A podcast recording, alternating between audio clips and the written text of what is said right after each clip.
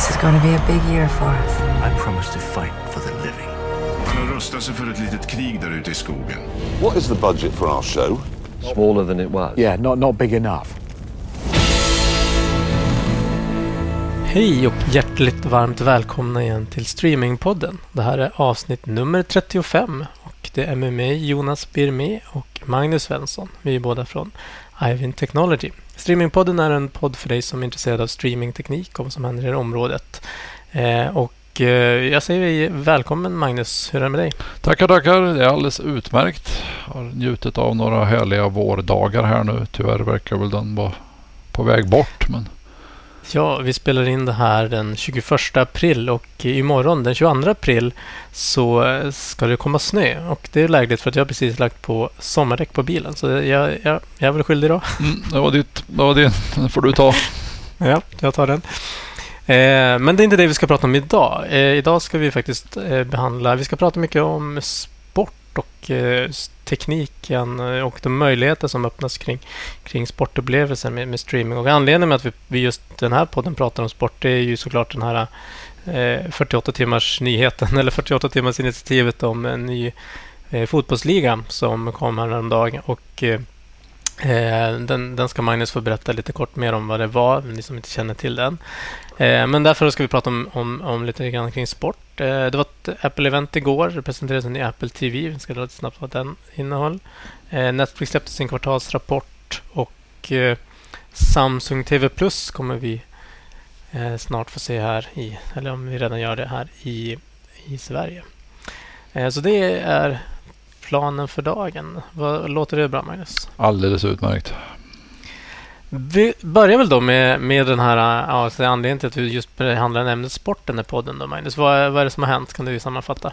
Ja, det, det, är ganska intressant för det gäller att hänga med i svängarna. Har man liksom räknar med att försov man sig lite så missar man nog hela nyheten. Så att, det var i söndags kväll eller tidig måndag morgon så gick eh, 12 storklubbarna kan man väl säga i eh, fotbollseuropa. Eller eh, de sex största i England, de tre största i Spanien och eh, Italien gick ut och sa att de skulle starta en egen liten Euro Super League i fotboll. En, en NHL, NFL liknande liga, en stängd liga där de skulle säkra sina inkomster, tv-rättigheter och allting sånt utan att riskera att ramla ur eller ramla in. De hade väl på något naivt sätt trott att de skulle fortsätta få spela i sina inhemska ligor samtidigt som de var med i den här. De hade tänkt att lägga matcherna så att det inte skulle kollidera med de inhemska ligorna och sådana saker. Och de trodde att det här var hunky dory verkar det som. Det fick ganska stort motstånd både från Uefa, från fotbollsförbunden i de enskilda länderna och fans, supportrar, journalister. Stort motstånd. Så att eh, senast igår kröp väl samtliga sex brittiska lag till korset och sa att de ångrar sig. Mm. Vad dumt. Och jag tror att även de spanska och italienska också krypit till korset och sagt att det där kanske inte var så smart. Sådana här saker får ju ganska stora implikationer på många sätt. Och en, en, en implikation såklart är de, de redan sålda eh, fotbollsrättigheterna då, eh, som eh, alla olika aktörer betalar en, en hel del pengar för. Och de står inte och tittar på och tycker att det är jättetoppen heller, det som var på väg att hända. Så att idén i sig känns inte kanske fullt förankrad. Det kan man väl Nej, konstatera. De som sitter på Champions League eller de inhemska ligorna. För det var ju egentligen det som Uefa och andra hotade med. Att då skulle de stänga ute de här lagen från all annan tävlingsverksamhet. Inklusive landslag. Och det skulle ju vara mm. förödande för alla tv-rättigheter och sponsoravtal och en massa sådana saker. Så att mm kanske var lika bra att de ångrade sig på en gång. Ehm, men som sagt, vi ska prata mer om, om tekniken ehm, kring sportupplevelser. Eh, och det är ju, ja, men så säga, en sak som väl egentligen är ganska uppenbart är att man behöver, i alla fall för att attrahera den här yngre generationen, eh, behöver man nog tänka om lite grann. Jag läste här i en artikel eh, att det är väldigt få i en, en generation Z eller 18 till 35 eller hur gamla de nu är eh, som ser en hel eh, eh, basketmatch. och de är ju inte så långa. De är väl ändå ganska spännande kan jag ju personligen tycka. Mm. Nej, jag, jag, tror att och det är, man, man har pratat mycket om att det är Gen Z och de yngre generationen som inte har ett tålamod att se på, på match och sådana saker. Jag tror att det är en kombination av att det finns ett helt annat utbud av annat också. Nu måste jag rätta mig. Det var inte basket, det var NFL. Förlåt. Ja. Det var eh, amerikansk fotboll som, som det var det på. Eh, men det är också... Ja, eh, jag kan väl tycka att det är spännande. Men, men det, det, det var just det att det, det, var de sista minuterna som man var egentligen. Mm. Det var då det blev spännande. Ja. Jag, jag, jag, jag, ser också att matcherna är ganska långa. Det är liksom de ganska utdraget. Det, det, man, man måste committa ett, ett par timmar för att se en av de här matcherna. I, oavsett egentligen sport. Det är, det är även en vanlig fotboll så är det ju ett par timmar som du committar till att, att sätta dig ner och titta. Och, och en annan grej som också är vanligt i slutspelen det är ju att du har eh, omgångar. Så du spelar bäst av sju omgångar mm. och så vidare. Och alla de här uppläggen är ju gjorda för att uh, just nu, det var ju inte NFL då, men, men NHL och de andra, de har ju, har ju de här uh, uh, slutspelsomgångarna. Nej, men, och det, syftet med det är ju att skapa mycket tv-tid såklart. Och mm. med mycket tv-tid så kan du få mer, mer möjlighet att sälja annonsplatser. Du, kan, ja, du får upp konsumtion av... Ja, folk tittar mer helt enkelt. Men om det är nu så att en generation som kommer inte är intresserad egentligen av det. De tycker det är nästan för mycket. De tycker det är för tråkigt. Eh, utan eh, man, det behöver snarare vara mindre tv-tid. Så har du ju ändå lite grann... Där behöver man ju tänka om tror jag lite grann i hur man...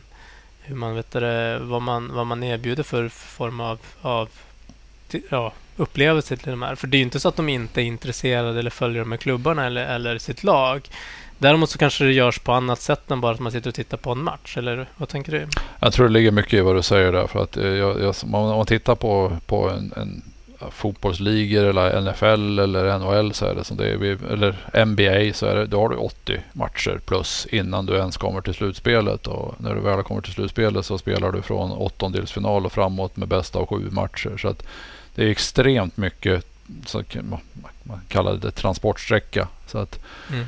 Och, men jag tror att de har ju minst lika mycket fans som inte är med i de här sporterna fortfarande. Men du kanske inte följer matcherna lika intensivt och du kanske inte följer ditt lag lika intensivt. Och du, istället kanske du följer en spelare, de stora stjärnorna. Du följer dem på andra källor såsom Twitter, mm. Snapchat, TikTok, vart de nu finns. Så att jag, jag tror mm. att de som sitter på tv-rättigheterna för de här ligorna och sporterna idag måste börja tänka om hur de, hur de kan paketera. Jag, jag, skrev en bloggartikel med titeln Engagement is King, vilket jag tror mycket på. att Du, du måste skapa ett engagement runt det. Det är inte tillräckligt längre att bara göra en, en, en linjär utsändning av en match.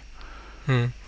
Och här finns ju möjligheten eh, med just streaming som är, till skillnad från broadcast, så har du mer en direkt relation till varje tittare så att säga. Vad, vad, vad skulle man kunna göra för typ av, med den tekniken då för, för andra typer av upplevelser som kanske mer attraherar den här typen av, eh, av konsumenter?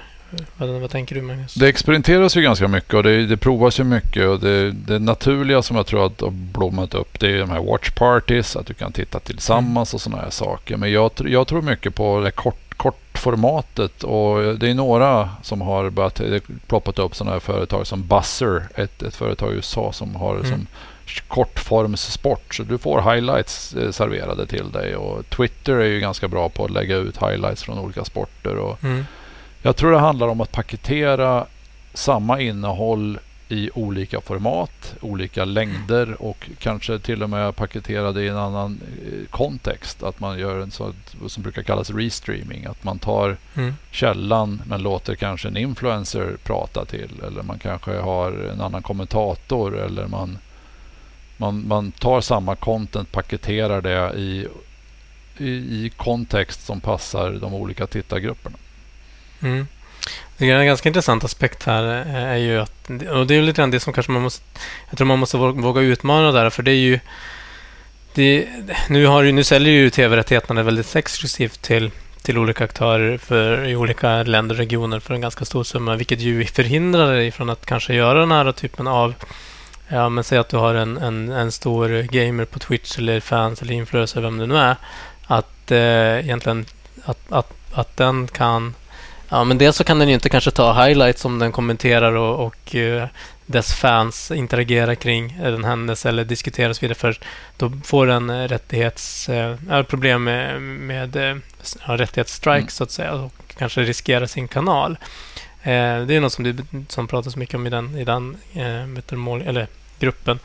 Eh, att, att det kan vara ett problem. För det är ändå sånt som, det är, det är, där har vi ett direkt ett engagemangsdrivande sak. Som, jag, menar, om, om jag tittar ju som sagt var på Formel 1. Säg att, eh, säg att jag skulle ha en, vara en, var en stor kanal på Twitch och influencer. Nu är jag inte det, men säg att jag skulle vara det. Och sen så ja, men säg att jag, jag analyserar tillsammans med mina fans i chatten eh, krascher mellan Bottas och Russell till exempel för senaste racet.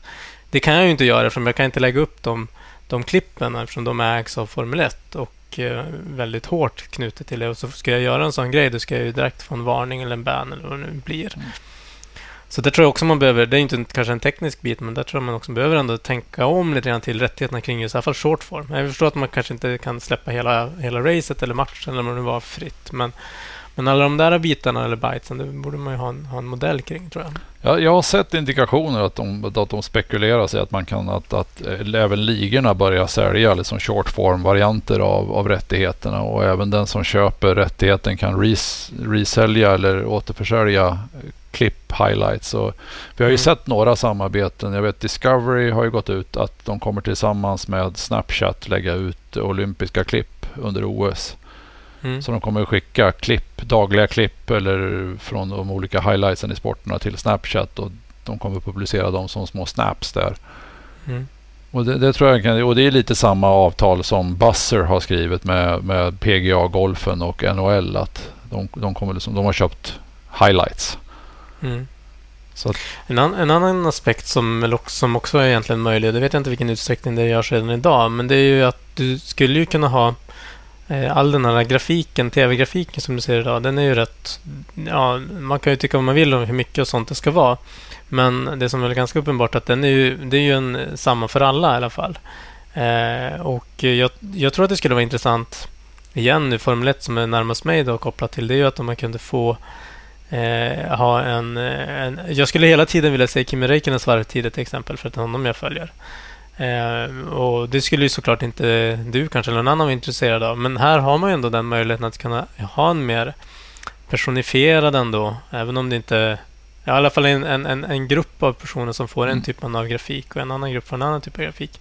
Görs det någonting i det här området, vad du sett? Inte på den nivån, men jag har sett att det finns mycket diskussioner för det som har hänt i USA och händer på flera ställen är att de släpper sportsbetting fritt så att säga. Och, och tittar mm. man på en, en betting eh, sajt i Vegas och sånt så ser du att då har du extremt mycket grafik i sändningen istället. Så att där, där, där diskuteras det mycket att man vill ha olika feeds går ut med liksom eh, mycket statistik med mindre statistik.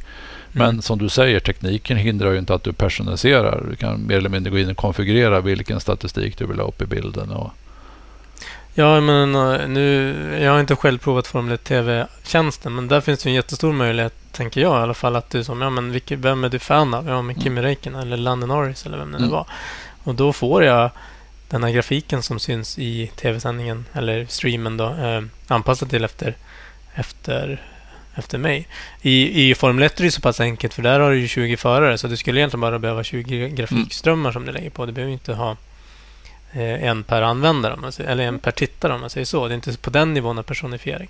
Men jag kan tycka att det är lite konstigt att det inte görs mer i det där området när nu möjligheterna finns. Eh, i, inom, inom, I alla fall inte inom, inom den här sporten. Det finns väl säkert samma sak i, i andra sporter och, och sammanhang eh, där man skulle kunna i alla fall ut, man ska kunna vara lite mer kreativ i det här området. Mm, jag tror att det finns mycket att göra där. Jag vet eh, senaste Streaming Tech hade vi ett företag som heter Signality som gör eh, sådana här som eh, AI-robotar som följer spelarna och som kan presentera ganska intressanta rörelsemönster för spelarna. Hur långt de har sprungit och hur fort de springer och vart de rör sig, vilka områden de rör sig, hur passningsvägar ser ut. Som som sportnörd så skulle jag älska att få den statistiken och kunna så att säga toggla av och på den eller någonting sånt så att jag kan jag kan engagera mig mer i min tittarupplevelse än att bara bli styrd av vad producenten väljer att lägga ut för bild eller för statistik. Det pratades ju tidigare här för några år sedan väldigt mycket om second screen-upplevelser och så. Och det kanske var tidigt ute just den tekniken men eh, idag så borde det vara tänker jag mer, mer en, möjlighet till att, att också eh, kunna tillhandahålla mer data eller eh, en, en, en rikare upplevelse för, Mm. för, för tittaren. Hur ser det ut på det, det området, vad, vad du har sett? Jag har faktiskt sett väldigt lite second screen-upplevelser om jag ska vara riktigt ärlig. Och det, är, ja, det är ju några som, som ligger lite före i den tid men väldigt lite måste jag säga mot vad jag tror att man... Sen, sen kanske det inte är... Man kanske gör det ändå fast inte knutet direkt till sändningen utan du kanske ändå har en annan app uppe eller någon Mm. annan tjänst uppe. Du kanske har ditt, ditt spelbolag uppe eller du kanske sitter och chattar med dina kompisar på, ett, på second screen utan att det är för den saken skulle knutet helt och hållet till. Mm. Att, Men det tycker jag det finns ju, där finns ju också stora möjlighet, möjligheter i det området att kunna göra eh, berikande upplevelser på det Mm. sättet och kanske engagera en annan målgrupp också som ändå sitter hela tiden med den, med den eh, extra devicen i knät när man tittar på någonting. mm, absolut, absolut. Något som vi har pratat tidigare också om inom sport såklart det är ju där low latency och, och alltså fördröjningen från, från, från jord till bord, höll jag på att säga, men jag menar från kamera, glas till bildskärm. Eh, vad, vad, har, vad är det senaste där omkring? Hur, hur, hur, många, hur stort är problemet, om jag får säga så? Eh, tittar man på hur mycket det används. Det finns ju fortfarande ett antal olika tekniker där. Och det, ja, nu refererar jag lite från en bloggartikel från Dan Rayburn igår kväll faktiskt. Som han la ut. Eh, där han summerar marknaden lite med att det dels är en ganska stor differens i vad, vad marknaden menar med low latency. Vad är verkligen low latency? Vad är ultra low latency och sådana saker. Men det verkar som att vi är relativt överens om att ultra low latency då är vi nere runt sekunder sekund och under. Medans men tittar man på de teknikerna som faktiskt finns idag med low latency Dash och eh, Apples variant av det så är det fortfarande extremt lite. Det är 3% eller mindre av det som transporteras video som är levererat i någon form av low latency mode fortfarande. Och vad, tror vi det kan bero på att det är så, så Jag- låg eh, nyttjandegrad i, inom, inom sport? Då? Jag menar, det, det, eh, ja, vad, jag tror dels att vi har kommit ner med, utan att behöva använda specialteknik, har vi kommit ner i latency ganska bra ändå genom att sänka segmentlängderna, kanske minska buffrarna lite och sådana saker. Så att du kommer ner, en kommer du ner runt 10 sekunder så kanske det är tillräckligt acceptabelt. Och jag tror inte tittaren är beredd att betala den extra kostnaden som det faktiskt kommer med att leverera low latency. Det är antingen någon form av skalning i server på serversidan eller så är det mer data och mer signalering för att korta ner latency. Så att jag tror att det är det är en kostnadsfråga och en stabilitetsfråga. Vi är fortfarande inte riktigt där stabilt med low latency igen på streaming. Så att man, man äventyrar kanske inte användarupplevelsen med buffring och sådana saker för att nå de där sista sekunderna. Men en, en tidig drivkraft hos, hos Twitch för att hålla, eller få så låg latency som möjligt, det är ju deras, deras interaktivitet eller deras chatt egentligen. Eh, och, det där, så, och där har det ju stor betydelse om, om man skriver i chatten och när, när den som streamar får se vad som står och innan den har svarat och hela den biten. Eh, det kan ju det är ju väldigt sällan man ser den typen av eh, interaktivitet inom eh, vanliga sportsändningar. Eh, vad jag ser. Så det är har man inte det, den drivkraften eller det behovet då kanske det, det förklarar också varför man inte Mm. lägger mer eh, kraft på att få, få, få ihop det. För det är ändå det är inte helt trivialt att få till det som vi alla vet.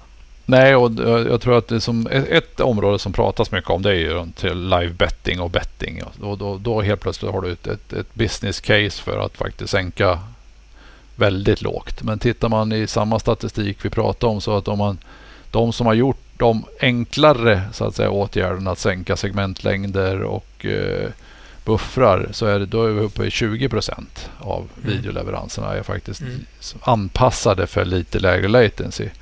Och du är inte, du är inte speciellt långt ifrån broadcast latency du redan har på 7-8 sekunder om, Mm. du, om du gör de åtgärderna. Och det kanske har bedömts av de flesta distributörer att det är good enough för de use casen de har. Ibland kan man ju fundera på om det är lite hönan och ägget av det hela. För jag menar det som kanske... Vi pratar ju mycket om engagement och interaktivitet som på något sätt en drivkraft i, i, i, eh, inom det här området. Och det är ju klart att eh, man, man begränsas ju. Man kanske, man, kanske väl, man kanske har mindre möjlighet att göra den saken på grund av att det inte är low latency. Mm. Samtidigt som att man kanske inte... Det finns ingenting som pushar för low latency för att man inte har hittat den här interaktivitetsupplevelsen som är Eh, man, man ser inte att, att man, har, man hittar rätt typ av upplevelse för det. Så att säga. Eh, Twitch har ju lyckats väldigt bra med, med det, men de har ju en annan... Där är ju den som streamar, hela dess poäng är ju att skapa ett engagemang och, och eh, en relation med de som tittar. Eh, med det sagt inte behöver det inte vara så för, för, för sporten så, men, men eh, den är ju mer, det är mer en personlig relation till, till den som så att säga eh, streamar, mm. spelar eller kör skördetröskel eller vad man nu gör. Nej, och sen tror jag sånt här tar lite längre tid. Jag vet inte hur länge vi har pratat om 4K och HDR-utrullning och sådana här saker. Men alla de här grejerna kommer ju med kostnader och med kostnader så gäller det att någon, någon i slutändan ska betala extra för att få de här bättre kvaliteten eller lägre latency. Och enligt samma artikel, om vi är tillbaka till den igen, så, så kostar CDN-erna tar ungefär 15-20% mer i betalt för low latency-varianter av strömmar. Mm. Vilket gör att det är en ganska stor skillnad för en, en distributör med många tittare att, att sänka latency till de nivåerna. Och, och då kanske det är som du säger, då kanske det är hönan och ägget. Då kanske man avvaktar lite med att, att sätta igång sina chattar, interaktivitet för att det, de, de har in, med, med rättighetskostnaderna de redan har för att få sändningsrättigheterna till sporten så kanske det är fullt tillräckligt att få det business caset att gå ihop. Mm. Jag läste nu här att eh, Amazon Prime eh, eller Amazon Prime Video, eh, hade rättigheterna till NFLs Thursday Night Football, mm. eller hur? Det stämmer bra. Det blir intressant att se. Nu, tänk, nu kopplar ju såklart Amazon Prime Video direkt till Twitch. Då. Eh, mm. Det ska ju bli intressant att se vad de kanske kan göra då kring det området. Om de kan skapa någon annan form av upplevelse kring, kring torsdagsmatcherna där eh, med den tekniken som de besitter så att säga. Ja, det var intressant att se om de faktiskt gör det. För de, det var ju bland annat de som köpte eh, SAI från Net Insight tidigare, den teknologin. Så att de, de har ju inhouse både Twitch-teknologin och eh, Net Insights SAI Low Latency. Så att tekniskt sett har de möjligheten att kanske göra något extra runt Thursday Night Football som de, mm. de tyckte åtminstone var värt att betala en miljard per år dollar för de mm. rättigheterna. Så att någonting tänker de nog göra med det. Mm. Nej, men det finns väl ett gyllene tillfälle att göra lite annorlunda än, än de andra va mm. vanliga så att säga. För att som på något sätt ja, fånga den här målgruppen som man kanske inte når på samma sätt som man skulle vilja.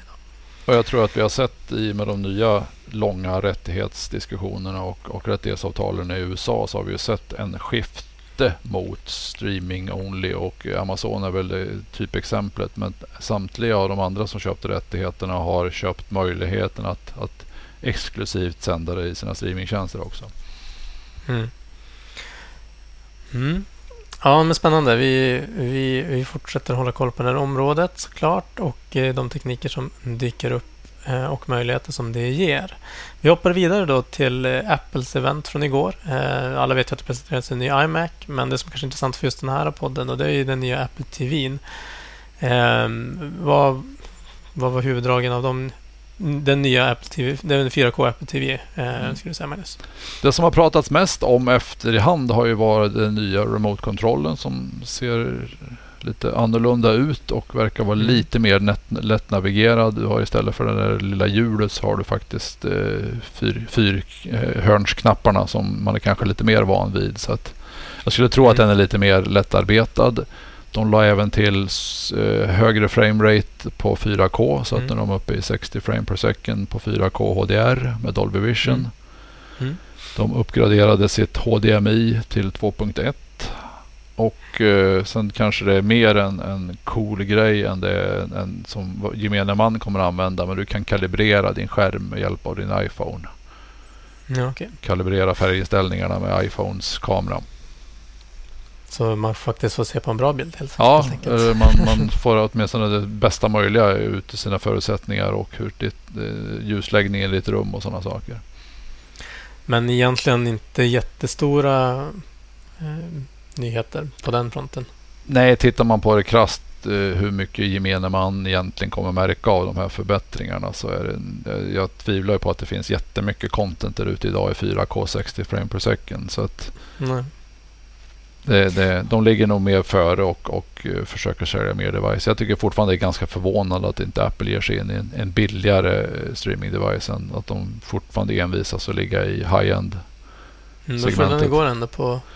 2000 ungefär tror jag den ligger på. Ja. Så att Mm. släpps i slutet Ja, av april. det- Mm. Ja, jag har lite svårt att motivera mig själv att köpa en ny faktiskt. Av bara en fjärrkontrolls skull. Jag läste faktiskt någonstans att man faktiskt kunde köpa fjärrkontrollen löst. Om den, den var bakåtkompatibel i två, två generationers Apple TVs. Ja, men då så. Då får jag en back-knapp. Mm, exakt. Ehm, ja, för den som inte vet, den har ingen back-knapp. Den, den har en menyknapp, men det är inte helt uppenbart. Så att du, du kan faktiskt få om du... Jag vet inte vad de kommer sälja. Det kommer säkert inte vara helt gratis. 2000. Ja, exakt. Men den fanns faktiskt att köpa separat läste jag någonstans. Mm. Sen släppte Netflix sin kvartalsrapport. Eh, vad sa den då, Magnus? Du som har läst den. Eh, den sa att de inte växer riktigt lika fort som marknaden hade förväntat sig och vad de har gjort tidigare. Så att det stora diskussionsämnet idag har väl varit att istället för att växa uppåt 6 miljoner abonnenter som det hade spekulerats i så växte de ungefär 4. Vilket jag tycker är väldigt naturligt med tanke på hur stora de är jämförelsevis på marknaden. Det känns lite som att det är mycket domedagsprofeter som ska på något vis eh, säga att nu har äntligen Netflix pikat. Eh, Har man över Mm. 200 så tror jag inte man kan växa i samma takt och jag tror att det var många som tecknade abonnemang i början på pandemin som så att säga de fick en liten bulk där tidigare. Men de hade ju ändå gjort en prognos eller en, eller en upp... De hade ju satt en budget att de skulle vara, vad sa du, sex? Sex och de hamnar på fyra så att lite lägre än vanligt jag, jag tror att det mycket, mycket bygger på att de marknader de normalt brukar växa i börjar bli mättade. Det är, som vi, det är Mm. ganska många som redan har Netflix och man tecknar ju säkert inte ett abonnemang till. Så att jag tror Mm. deras stora utmaning är att hitta liksom, hur växer de i, i Indien, Asien utan att, Mm. att börja tumma på priserna för mycket. Mm. Men samtidigt så de utmaningar Netflix har, har ju alla andra också. Exakt, så att eh, ja, jag, jag tror att det här och vi, jag tror att det, vi börjar ju se att vi får churn nu på de här tjänsterna som inte har varit normalt haft lika mycket churn. Tack Mm. vare att, att det finns ett så stort pass utbud så att du kan, du har nått, du har nått kanske vad, vad hushållet är beredd att betala och så att det, Mm. jag tror att de går ju fortfarande, ekonomiskt går de ju bättre än någonsin vad det gäller hur mycket inkomst de har per aktie och eh, per tittare. Så att rent Mm. ekonomiskt har siffrorna stabiliserats och, eh, och content producerar de ju fortfarande i en, en av de största takterna mot de flesta tjänsterna. Så att Mm. det är nog fortfarande the, the, the go-to service nummer ett men självklart så måste de ju kämpa för att ligga kvar där. Mm. Eh, kommer du ihåg Magnus att det fanns en gång i tiden när man, när man köpte en TV så kunde du koppla den bara till en bordsantenn och så kunde du börja titta på TV. Jajamensan, jag är uppväxt på den tiden det bara fanns en kanal också. Så Så det, nästan där kan man vara nu med Samsung TV Plus som nu finns här i Sverige. Du, om du köper en Samsung så kan du faktiskt börja titta på, på streamat utan att behöva ha något abonnemang eller signa upp på någonting. Utan det finns en app förinstallerad där som är Samsung TV Plus. Um, har du hunnit kika på den någonting? Jag tror den släpptes ganska nyligt där i Sverige. Den kom väl i natt tror jag den slogs igång. Så att jag har inte hunnit titta på den än. Men det har ju varit förväntat och jag tror att vi kommer att se mer av det här. Det är de här som vi har pratat om i tidigare poddavsnitt. De här FAST-tjänsterna. Free Ad Supported Streaming Television. Som bygger på att du liksom förinstallerade appar eller i tv-apparaterna har tillgång till hundratals eh, dynamiska kanaler som som Och det, här, och det är ju det är någon form av, som vi pratat också om tidigare, en form av, typ av ny typ av fri-tv kan man väl se det som. Eh, samtidigt så innebär ju det här att vi helt plötsligt här i Sverige har en till ny tv-operatör då får man väl säga. Nu vet jag inte vilka kanaler de har i sitt paket då såklart. Så att, eh, men just att den här enkelheten gör att, du, att den, allt är förinstallerat och att du inte behöver egentligen teckna något ytterligare abonnemang när du har köpt en tv. Eh, och de här kanalerna såklart, de är ju då helt fria och reklamfinansierade då. Det är ju modellen. Så att det är ju en det är ju en, det är ändå en lite spännande utveckling för att de har ju en helt annan modell då gissar jag än, än kanske en traditionell tv-operatör har som, som inte har någon del av någon reklamaffär eh, nödvändigtvis utan det är en helt annan modell. Subscriber. Eh, jag tycker den är väldigt intressant den här modellen och den, den växer ju extremt stort i andra delar av världen så att jag har på något vis bara väntat på att det ska komma i Europa och, och fler har ju börjat, eh, både fristående tjänster och tv-apparater börjar ju växa även i Europa nu. Så att. Mm. Ja, det ska bli intressant att se eh, vad det är för kanaler de har där idag. Um, i, här i Sverige i alla fall. Mm. Um, vi ska ju nog inte förvänta oss kanaler som TV4 och så i det här utbudet. Än så länge i alla fall. Men inte till en början skulle jag säga, men jag, jag, tror inte att eh, vi ska utesluta sådana distributioner också. För att jag tror att det kan vara en, en, ganska bra så att säga drivare av trafik in till de traditionella streamingtjänsterna sen. Att du har det mm. som en teaser, att du finns där, du syns där och att man då skapar ett intresse. Det är så, så de i andra delar av världen växer på det sättet, de här fast-tjänsterna. Att de, de... Samtidigt så, så är det ju ganska stora summor inblandade i just rättigheten ja. till att ha TV4-kanalen hos de andra operatörerna. Så att just själva TV4-kanalen är väl osäker på ja, om det, det kommer att vara så. Eh, inte i alla fall utan att Samsung betalar samma prislapp som, som de andra. Och då kommer frågan vad det är, om det är typ av OTT-tjänst eller vad det är för typ av tjänst. Ja. Eh, men däremot så kanske det kan finnas andra kanaler, med nischade kanaler som, som man skapar just för det här ändamålet. Det vet man aldrig, det får vi se. Mm. Det ska bli spännande att följa. Jag det, har, det, ska bli intressant att se hur... Det kommer nog ta en liten stund innan gemene man hittar den här appen eller den här kanalen också på sin tv-apparat. Men det vi också ska komma ihåg, jag menar, det, kanaler som TV4 och TV3 och så vidare, de föddes utifrån att det fanns ett nytt typ av distributionssätt. Eh, och Det här är ju ett nytt, nytt typ av distributionssätt, så det är ju ingenting som säger att det inte kommer ett nytt kanalbolag som bara finns här, så att säga. Den här typen av kanaler. Nej, och du kan ju ganska snabbt anpassa det också efter tittarens eh, preferenser och, och, styra om innehållet i dessa kanaler och lägga till kanaler allt eftersom innehållet på ett helt annat sätt än vad du kunde i den traditionella mm. distributionen där du var tvungen att ha kanalrättigheter, du måste vara säkra bandbredden och alla de här bitarna. Mm. Ja, det är, ju, det är ju snabbt att komma igång om du köper in bra innehåll helt enkelt. Mm. Och även för innehusägarna så är det ett snabbt sätt att nå ut och kan få en mm. del av annonskakan. Så att... Mm. Ja, som sagt, det blir ytterst spännande att, att se och, och, lite kul för vi i den här branschen att det nu är här i Sverige också. Så mm. vi ser hur utvecklingen går. Men det är tips till ni som lyssnar. Det här är något som man behöver hålla koll på framöver. Vi tänkte avsluta då som vanligt och har blivit en lite tradition, eller andra gången, eh, med några poddtips från dig Magnus. Vad, vad, vad, ska man lyssna på förutom streamingpodden? ja, nej, jag har faktiskt två poddtips som jag har lyssnat på de senaste veckorna här som jag tycker var ganska intressant om man är intresserad av eh, utvecklingen på content-sidan och nya filmer och hur filmfönster och sånt kommer hanteras. Det var en podd med Jason Killar som är chef på Warner Media det är en intervju med eh, Peter Kafka i Recode Media. Vi lägger ut det här i, i poddtexten gissar jag. Där mm. Jason Killar intervjuas och eh, pratar om det han gjorde egentligen med, med Hulu i USA. La ut alla filmer rakt ut till streaming utan att passera eh, bio. Kommer han mm. troligen inte fortsätta med enligt vad han säger i intervjun här och diskutera okay. lite runt det. Och i samma härad så finns det en podd som kom ganska, jag tror det var samma dag eller samma kväll med Ted Sarandos som är VD, del-VD eller co-VD på Netflix. Som pratar mm. om hur deras contentstrategier ser ut med att släppa allt på en gång versus eh, enstaka avsnitt och sådana saker. Mm. Så att, ja, om man är intresserad av de här biofönster, tittarfönster, hur man strategi med att släppa content så är de här två poddarna tillsammans eh, ganska utbildande. Mm.